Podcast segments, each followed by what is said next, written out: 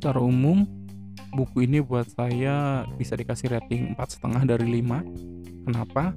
Karena ini buku ini bisa menjelaskan dengan sangat baik apa yang dia ingin kemukakan, menggunakan banyak analogi-analogi menarik yang sangat mudah diingat dan logikanya sangat masuk. Lalu banyak juga contoh-contoh dari dunia nyata. Jadi salah satu keunggulannya adalah buku ini menyederhanakan banyak sekali value value-value yang sebetulnya sudah kita tahu tetapi disederhanakan dengan sangat bagus dan memberikan contoh yang sangat mudah diimplementasikan dalam kehidupan nyata. Oleh karena itu, saya pikir buku ini sangat layak dibaca oleh siapa pun. Bahkan kalaupun sudah baca bisa dibaca ulang. Lalu beberapa key point dari buku ini adalah yang pertama adalah kamu adalah apa kebiasaan kamu dengan mengubah kebiasaan kamu menjadi lebih baik atau lebih efektif, ke depannya kamu akan menjalani kehidupan yang lebih efektif. Lalu berikutnya adalah fokus untuk pengembangan karakter, jangan uh, personality aja. Jadi jangan melakukan sesuatu yang tidak sesuai dengan value kamu. Itu bakal kelihatan fake. Lalu kebiasaan pertama adalah jadilah proaktif.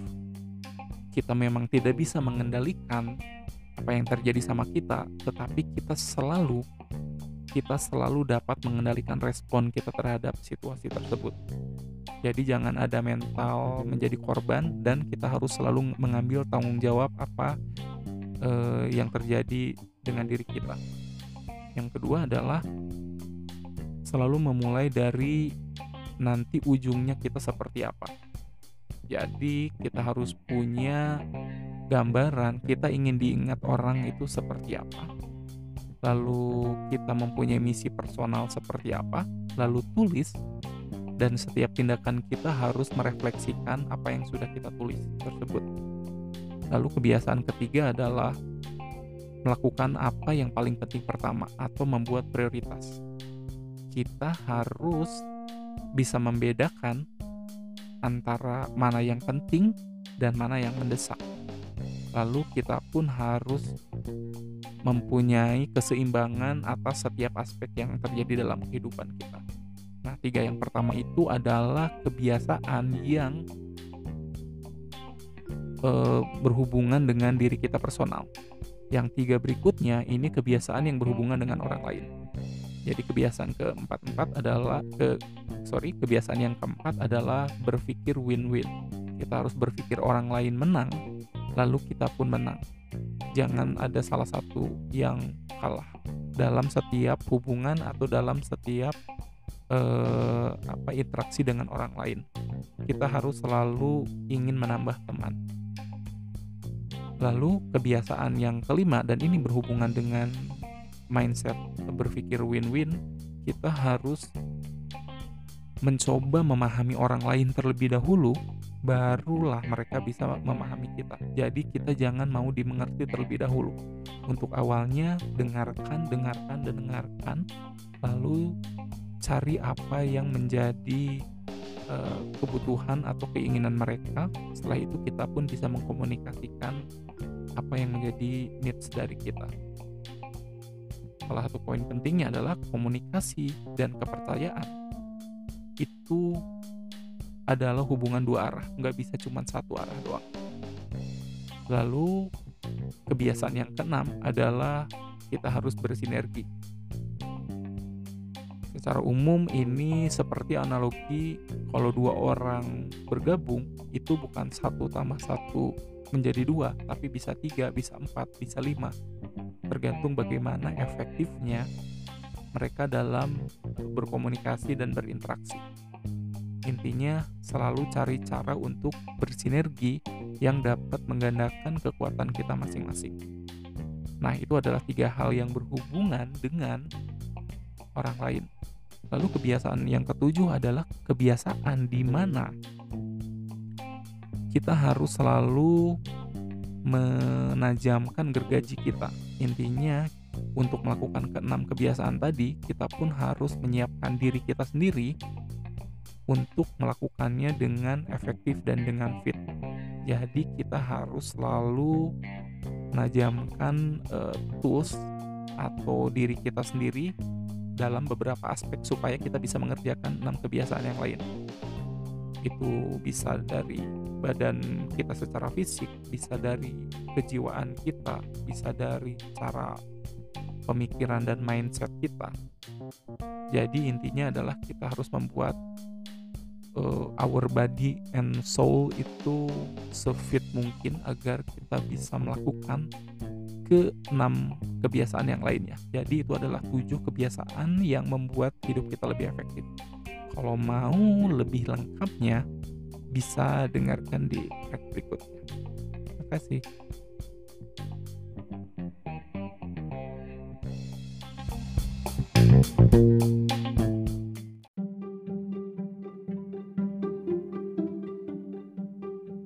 Halo, selamat datang lagi di Overthinking Nerd Kali ini kita akan membahas salah satu buku yang tentunya kayaknya hampir semua orang pernah baca, cuman kayaknya belum lengkap uh, ke, kalau ada suatu podcast atau platform yang membahas tentang buku tapi nggak uh, membahas mengenai buku ini. Ini adalah The Seven Habits of Highly Effective People dari Stephen Covey. Buku ini adalah salah satu buku paling berpengaruh dalam genre self improvement karena itu nampaknya setiap orang wajib uh, membaca buku ini. Nah, sekarang kita akan membahas beberapa key points dari buku ini. Kita langsung mulai saja. Jadi, buku ini sebetulnya diawali dari proses berpikir dari penulisnya. Uh, dia dan beberapa filsuf sebelumnya yang sempat mengatakan hal yang agak-agak mirip ya Ide dasarnya adalah masa depan kita atau apa yang terjadi dalam kehidupan kita itu sangat terpengaruh dari kebiasaan-kebiasaan yang kita lakukan. Ini bisa terangkum dalam quotes-nya Kofi yang sangat terkenal. Apabila kamu menabur gagasan, kamu akan menuai action. Apabila kamu menabur action, kamu akan menuai habit atau kebiasaan. Dan apabila kamu menabur habit, kamu akan menuai karakter. Dan apabila kamu menabur karakter, kamu akan menuai takdir kamu. Jadi bisa kita lihat dari awalnya gagasan lalu ke habit itu ujungnya bisa mempengaruhi takdir kita. Nah, di buku ini dia membahas ada tujuh uh, habit atau tujuh kebiasaan yang akan membuat kehidupan kita bakal lebih efektif. Sebetulnya dia sempat uh, mengeluarkan buku juga Eight Habit, jadi ada kebiasaan ke-8 tapi kayaknya untuk saat ini kita fokus saja ke kebiasaan nomor 7 ini karena saya pikir ini sudah uh, jauh lebih dari cukup. Oh iya, salah satu poin penting yang saya dapat dari buku ini jadi walaupun buku ini bisa dikategorikan buku-buku uh, self help, tetapi Coffee mengkritik sangat keras uh, bagaimana dalam perkembangannya buku-buku self improvement seperti itu malah menekankan ke hal-hal yang uh, tidak penting atau fake atau tidak genuine gitu. Jadi di salah satu perkataannya dia adalah kita harus fokus untuk mengembangkan karakter kita bukan personality. Jadi banyak buku self help yang misalnya bagaimana kita harus uh, berkomunikasi atau apa dengan orang lain, bagaimana menegosiasi dengan orang lain supaya orang lain percaya sama kita dan menurut dia itu tuh nggak nggak genuine gitu. Menurut dia orang tuh nggak boleh kayak mem memakai semacam topeng ketika misalnya berkomunikasi atau dengan bersentuhan dengan orang luar karena itu hasilnya tidak akan efektif karena orang itu tahu hal yang dia lakukan itu tidak sesuai dengan value-nya value-nya dia. Jadi buku Seven Habit ini adalah salah satu usahanya dia untuk mengkategorikan tujuh kebiasaan apa saja yang bisa kita lakukan tanpa perlu menjadi fake tapi bisa membuat kehidupan kita jauh lebih efektif. Oke, kita langsung aja masuk ke tujuh kebiasaannya karena itu pasti yang sudah ditunggu. Nah, tujuh kebiasaan itu secara sederhananya bisa dibagi dalam uh, dua bagian besar. Yang pertama adalah kebiasaan 1 sampai 3 itu lebih ke kebiasaan yang melibatkan diri kita sendiri atau secara internal. Sedangkan kebiasaan 4, 5 dan 6, tiga berikutnya itu lebih um, menjelaskan bagaimana kebiasaan atau sikap kita ketika kita berhubungan dengan pihak luar atau pihak eksternal atau dengan orang lain. Nah, yang ketujuh atau yang terakhir itu berhubungan dengan kedua-duanya. Oke, kita langsung masuk aja ke kebiasaan pertama. Kebiasaan pertama adalah jadilah proaktif. Buat saya ini adalah benar-benar salah satu yang merubah mindset saya di, di, di buku ini. Karena beberapa saya sudah tahu sebelumnya. Kenapa? Karena di sini kita diajarin bahwa kita memang tidak bisa mengubah situasi atau keadaan, tetapi kita bisa mengendalikan atau mengontrol respon kita terhadap kondisi tersebut. Dan itu buat saya adalah salah satu mindset yang paling-paling bagus. Saya ulangi sekali lagi, jangan menjadi, jangan mempunyai mental korban. Kita memang tidak bisa mengendalikan apa yang terjadi sama kita, tetapi kita bisa mengendalikan respon kita terhadap kondisi itu. Jadi selalu ingat kita selalu punya kendali bagaimana kita merespon. Di sini dia memberi contoh dari Viktor Frankl. Uh, beliau adalah orang yang ditahan di kamp konsentrasi Nazi di Jerman dan dia sempat bilang kalau setelah semua hak dan kemampuan kita dilucuti, satu-satunya yang beneran bisa kita kendalikan atau satu-satunya yang beneran masih jadi milik kita dan nggak bisa diambil sama orang lain adalah bagaimana kita merespon sesuatu. Jadi walau situasinya di camp konsentrasi itu sangat-sangat mengerikan, Frankel menyadari saat itu bahwa dia bebas. Jadi maksudnya satu hal yang dia masih bisa kendalikan adalah dia bisa memutuskan bagaimana dia berpikir dan bagaimana dia bertindak di situasi yang mengerikan itu. Jadi walaupun misalnya dia lagi kelaparan, lagi disiksa, dia masih tetap bisa berpikir karena dia bebas untuk berpikir bahwa dia lagi mengajar karena dia sangat menikmati mengajar. Dia juga membayangkan apa aja yang bisa dia pelajari dari kejadian-kejadian ini supaya murid-muridnya bisa belajar dari dia. Apa yang bisa kita lihat dari situ? Frankel itu proaktif. Dia ngambil inisiatif dan menerima tanggung jawab dari takdirnya dia. Jadi dia berpikir bahwa ini memang tanggung jawab saya. Dia tidak menyalahkan orang lain. Jadi salah satu yang harus kita lakukan dari habit ini adalah kita harus mulai berpikir proaktif dan kita harus menunjukkan inisiatif dan tanggung jawab atas apa yang terjadi dalam diri kita. Jadi stop nyalahin orang lain. Misalnya nih, ini salah satu bahasa-bahasa yang menunjukkan bahwa kamu proaktif. Jadi nih, kalau misalnya orang reaktif, kebalikannya dari proaktif, dia bisa berpikir, wah ini sih udah nggak bisa diapa-apain nih. Memang udah dari sananya kayak gini, mau kayak gimana lagi coba. Tapi orang proaktif selalu berpikir, oke, okay, ini memang sulit posisinya dan saya tidak bisa mengubah beberapa hal dari ini, tapi kira-kira kemungkinan-kemungkinan apa ya yang bisa saya ambil, kemungkinan action apa ya yang bisa saya ambil. Atau misalnya untuk yang reaktif, waduh saya ditipu nih sama partner kerja saya. Gimana lagi? Saya udah berusaha sebaiknya, eh dia brengsek nipu saya. Ya gimana lagi ya, ini memang salahnya dia nih semua. Tapi kalau proaktif, oke, okay, saya berpikirnya bakal seperti ini. Oke, okay, saya memang sempat tertipu. Uh, saya kehilangan banyak sumber daya, tapi kira-kira apa yang bisa saya lakukan untuk merespon ini? Apakah saya mau nyoba dulu uh, kerja sendiri dulu? Apa saya mau langsung nyoba ke nyari partner yang lebih bisa saya percaya?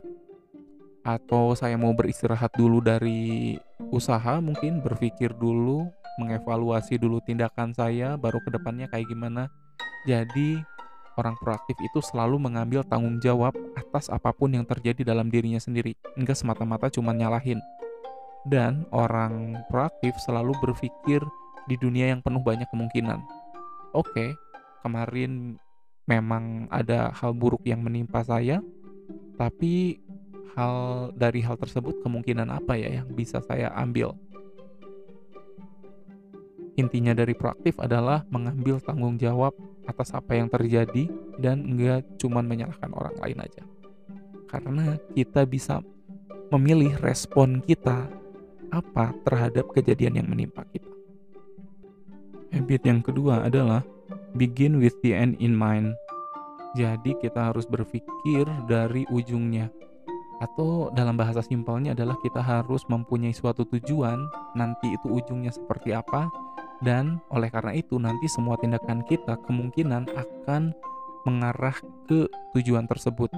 Jadi salah satu uh, yang dia ceritakan di buku ini adalah bayangkan kamu ada di uh, acara pemakaman kamu sendiri. Lalu bayangkan kira-kira orang bakal ngomong apa sih tentang kamu?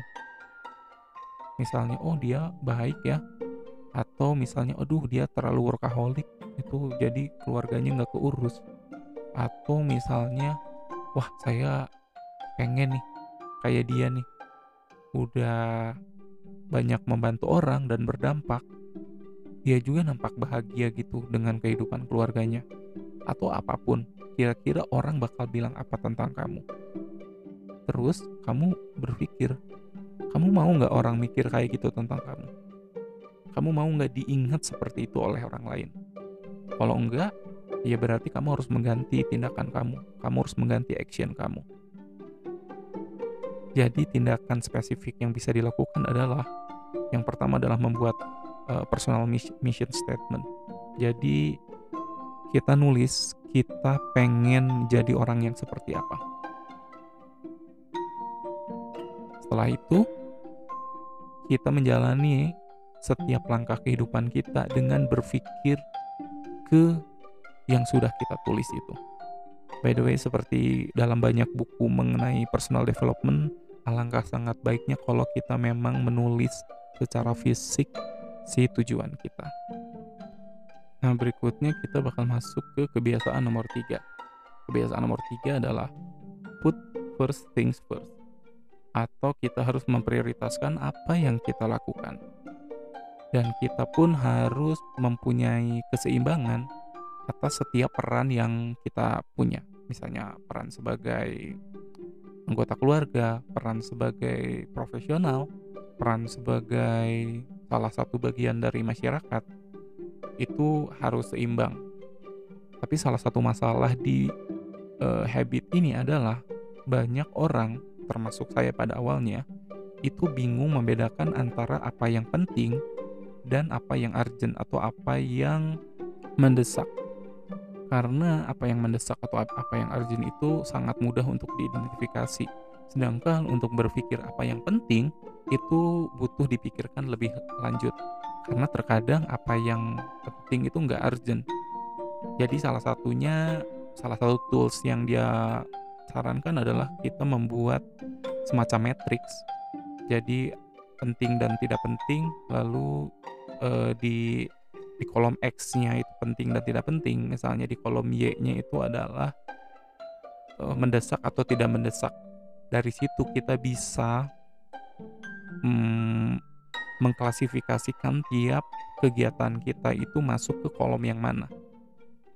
Jadi jangan sampai kita mengerjakan hal yang tidak penting dan tidak mendesak misalnya. Karena itu banyak dilakukan karena kalau misalnya kita menunda-nunda yang paling gampang biasanya melakukan yang tidak penting dan tidak mendesak. prioritas utamanya sebetulnya adalah untuk mengerjakan yang penting tapi tidak mendesak. Soalnya kalau mendesak mau nggak mau harus dikerjakan. Oh iya nyambung mengenai uh, tentang prioritas ini, kayaknya saya sempat baca juga buku lain yang mengatakan bahwa kita itu nggak harus cuman mengelola waktu, tapi yang lebih penting adalah mengelola mengelola energi karena energi kita itu satu hari itu nggak konstan. Jadi biasanya ada naik turun dan kita harus mengidentifikasi kapan energi kita yang paling bagus untuk kerja misalnya. Nah, kita lakuin hal pekerjaan yang paling penting di waktu itu ketika energi kita masih uh, lagi tinggi-tingginya. Itu berbeda-beda relatif tiap orang, tapi banyak orang sangat produktif itu di pagi-pagi biasanya. Jadi kalau misalnya kita lagi semangat dan produktif dan otak encer jam 8 sampai jam 10, ketika ada tugas yang sangat penting, ya udah kita lakuinnya di saat itu. Seperti itu sih. Ini agak-agak nyambung ke buku lain karena tiba-tiba keingetan. Nah, tiga hal tadi yang sudah dibahas di awal. Satu mengenai proaktif, kedua mengenai kita harus punya tujuan di akhir, dan yang ketiga adalah menentukan prioritas. Itu adalah kebiasaan-kebiasaan yang harus kita kelola karena berhubungan dengan diri kita sendiri saja. Nah, untuk tiga kebiasaan berikutnya, ini adalah kebiasaan yang harus kita lakukan ketika kita berhubungan dengan orang lain. Kita langsung masuk aja ke kebiasaan nomor 4. Kebiasaan nomor 4 adalah think win-win kita harus berpikir menang-menang. Jadi ketika misalnya kita melakukan deal atau sedang uh, berhubungan dengan orang lain, kita harus berpikir win-win. Lebih tepatnya sebetulnya win mereka dulu baru win kita. Itu akan lebih mudah. Karena masih banyak orang yang berpikir misalnya dalam setiap negosiasi atau dalam setiap menjalani hubungan itu harus ada orang yang menang, harus ada orang yang kalah. Ketika negosiasi saya harus mendapatkan lebih banyak dibanding orang di sana dan itu akan memper, mempersulit semua proses yang terjadi dalam hubungan itu. Ketika kita mulai berpikir dengan mindset win-win, itu akan jadi lebih baik karena kita pun tetap win. Jangan sampai kita karena banyak juga orang yang berpikir lose win. Ya udah nggak apa-apa deh, saya kalah.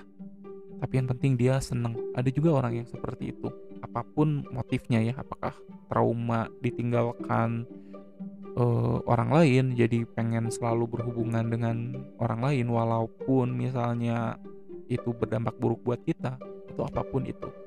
Selalu ingat mindset yang paling benar adalah win-win. Jadi orang-orang yang sangat efektif itu sangat senang menggandakan uh, apa rekan-rekan atau menggunakan teman-teman karena nggak akan ada ruginya menambah teman. Jadi salah satu penggambaran yang saya ingat kalau nggak salah ini di bab ini sih ini adalah mengenai patung totem. Patung totem itu kalau misalnya kalian pernah lihat di komik atau di film itu adalah patung biasanya orang uh, Indian yang ada beberapa orang yang kayak misalnya tiga orang terus bertumpuk jadi satu orang uh, sebagai dasarnya lalu di atas kepalanya itu ada orang lagi berdiri terus ada orang lagi berdiri. Mungkin kalau saya ingatnya di komik Donald Bebek kayak gitu sih biasanya sering. Nah itu adalah mindset yang salah setahu saya. Karena orang-orang itu berpikir kalau misalnya untuk naik kita harus nginjek orang lain yang di bawahnya begitu juga kita kita bakalan diinjak sama orang yang misalnya lebih powerful atau yang bargaining positionnya lebih tinggi dibanding kita. Dan itu adalah mindset yang salah. Selalu berpikir win-win. Mereka menang kita pun menang. Dan kalau bisa diusahakan mereka dulu yang menang. Karena setelah biasanya setelah orang lain mempunyai mindset bahwa mereka sudah menang mereka pun bakal uh, berpikir oh ya udah nggak apa-apa ini nggak ngerugiin saya juga kok. Oke mari kita win-win. Lalu kebiasaan nomor 5 adalah seek first to understand then to be understood. Jadi kita harus berusaha memahami orang dulu barulah kita bisa dipahami oleh mereka atau barulah kita bisa menjelaskan kenapa mereka harus memahami kita. Karena kebanyakan orang itu pengen dipahami terlebih dahulu dan gak mau paham posisi orang lain. Salah satu pesan yang paling penting di bab ini yang saya ingat adalah komunikasi. Communication and trust are two-way streets. Komunikasi dan trust atau kepercayaan itu hubungan dua belah pihak, nggak bisa cuma satu doang. Ini jadi berhubungan dengan habit sebelumnya untuk uh, membangun hubungan yang win-win, kita pun harus tahu apa yang dianggap win oleh pihak lain. Jadi kita harus memahami karena terkadang beda yang kita anggap win dengan apa yang mereka anggap win. Jangan pernah mengasumsikan kita tahu mengenai orang lain. Salah satu poin pentingnya adalah listen more. Kita harus mendengarkan orang lain lebih banyak. Misalnya terkadang misalnya dalam negosiasi buat buat saya misalnya, misalnya ini negosiasi penjualan, buat saya yang penting itu adalah harganya. Tapi setelah kita ngedenger ternyata orang itu tuh nggak peduli tentang harga. Yang penting buat dia itu adalah kualitasnya bagus. Berarti ada perbedaan value di sini kan. Nah, kalau misalnya kita menegosiasi atau berkomunikasi tanpa tahu apa yang orang itu pengen, tanpa kita berusaha memahami orang itu, itu tuh akan akan akan sulit. Begitu juga dengan hubungan personal relationship misalnya. Misalnya buat saya yang penting itu adalah ya saya nggak jalan sama orang lain, tapi buat pasangan misalnya itu bukan hal yang paling penting. Hal yang paling penting adalah kamu boleh aja jalan sama orang lain, tapi ngabarin itu kan dua hal yang berbeda dan harus bisa di diskusikan didiskusikan supaya kita tahu apa yang uh, sudut pandang orang lain. Jadi salah satu yang harus uh, dipahami kita harus mempunyai empati dan mau mendengarkan dan mau memahami orang lain di situ nyambung ke habit sebelumnya akan menjadikan uh, mindset win-win kita bakalan lebih baik. Nah, sekarang kita masuk ke kebiasaan nomor 6. Habit nomor 6 adalah sinergi. Jadi ide dasarnya adalah dengan kita bersinergi dengan orang lain itu akan memberikan kekuatan yang lebih besar dibanding dengan kekuatan kita masing-masing. Jadi secara sederhananya sih ini kayak kalau kita bekerja sama dengan satu orang lain, kekuatan kita itu bukan dua, bukan satu tambah satu dua, atau ya bisa jadi tiga, bisa jadi empat, bisa jadi lima, tergantung dari bagaimana kita bersinergi. Dan salah satu kunci dari uh, sinergi yang efektif adalah komunikasi. Jadi banyak yang ingin bersinergi tapi semacam sudah punya SOP-nya. Oh, nanti kalau kamu gini, saya gini, kalau kamu gini, saya gini. Itu itu penting. Cuman menurut Kofi yang paling penting adalah kita harus bisa bekerja sama dan berkomunikasi secara aktif. Maksudnya adalah kita harus mendengarkan kebutuhan mereka dan mereka pun harus mendengarkan kebutuhan kita. Kita harus mengevaluasi ketika ada perubahan pun kita harus fleksibel dan kita bisa merespon kebutuhan kita masing-masing dan secara aktif bekerja sama. Jadi kerjasamanya itu nggak nggak pasif atau diem aja. Deal deal setelah itu ya udah nggak ngapa-ngapain. Hubungannya dalam bersinergi itu harus tetap berkembang dan bertumbuh bareng-bareng. Intinya harus selalu ngecek apakah ini sesuai dengan apa yang kamu pikirin, apakah ini sesuai dengan kebutuhan kamu berikutnya ini uh, nyambu uh, ini sama aja mau di hubungan personal relationship atau di bisnis. Nah, berikutnya adalah ke kebiasaan nomor 7. Dan seperti yang udah kita bahas, nomor 1 sampai 3 itu membahas mengenai lebih ke internal, perkembangan internal, yang nomor 456 itu lebih ke berhubungan dengan orang lain. Yang ketujuh ini kita harus meningkatkan kedua-duanya. Atau kebiasaan nomor 7 itu adalah kebiasaan untuk menajamkan gergaji. Maksudnya itu kayak gimana? Jadi di situ tuh ada di buku ini diceritakan ada satu orang yang berusaha sangat keras untuk menebang pohon. Jadi dia memang bekerja keras terus aja nebangin cuman lama sekali dan si pohonnya enggak uh, tumbang-tumbang. Lalu ketika ada orang lain yang ngelihat, apa yang disarankan adalah mungkin kamu harus menajamkan dulu gergaji kamu. Jadi kalau kamu punya waktu dibanding langsung aja mencoba untuk menebang si kayunya, lebih baik kamu mengalokasikan waktu untuk menajamkan gergajinya. Nah, jadi apa yang harus kita lakukan menurut Kofi, kita harus selalu menajamkan atau membuat fit setiap area dalam uh, hidup kita supaya jauh lebih efektif. Fisik kita harus lebih sehat, mental kita harus lebih clear, pemikiran kita pun harus terus diasupi oleh uh, hal yang positif agar gergaji kita atau pemikiran kita lebih tajam. Lalu jiwa kita pun harus selalu diperbaharui agar kita tetap fresh itu semua hal itu akan berpengaruh terhadap keenam kebiasaan lainnya. Jadi itu seperti apa sih?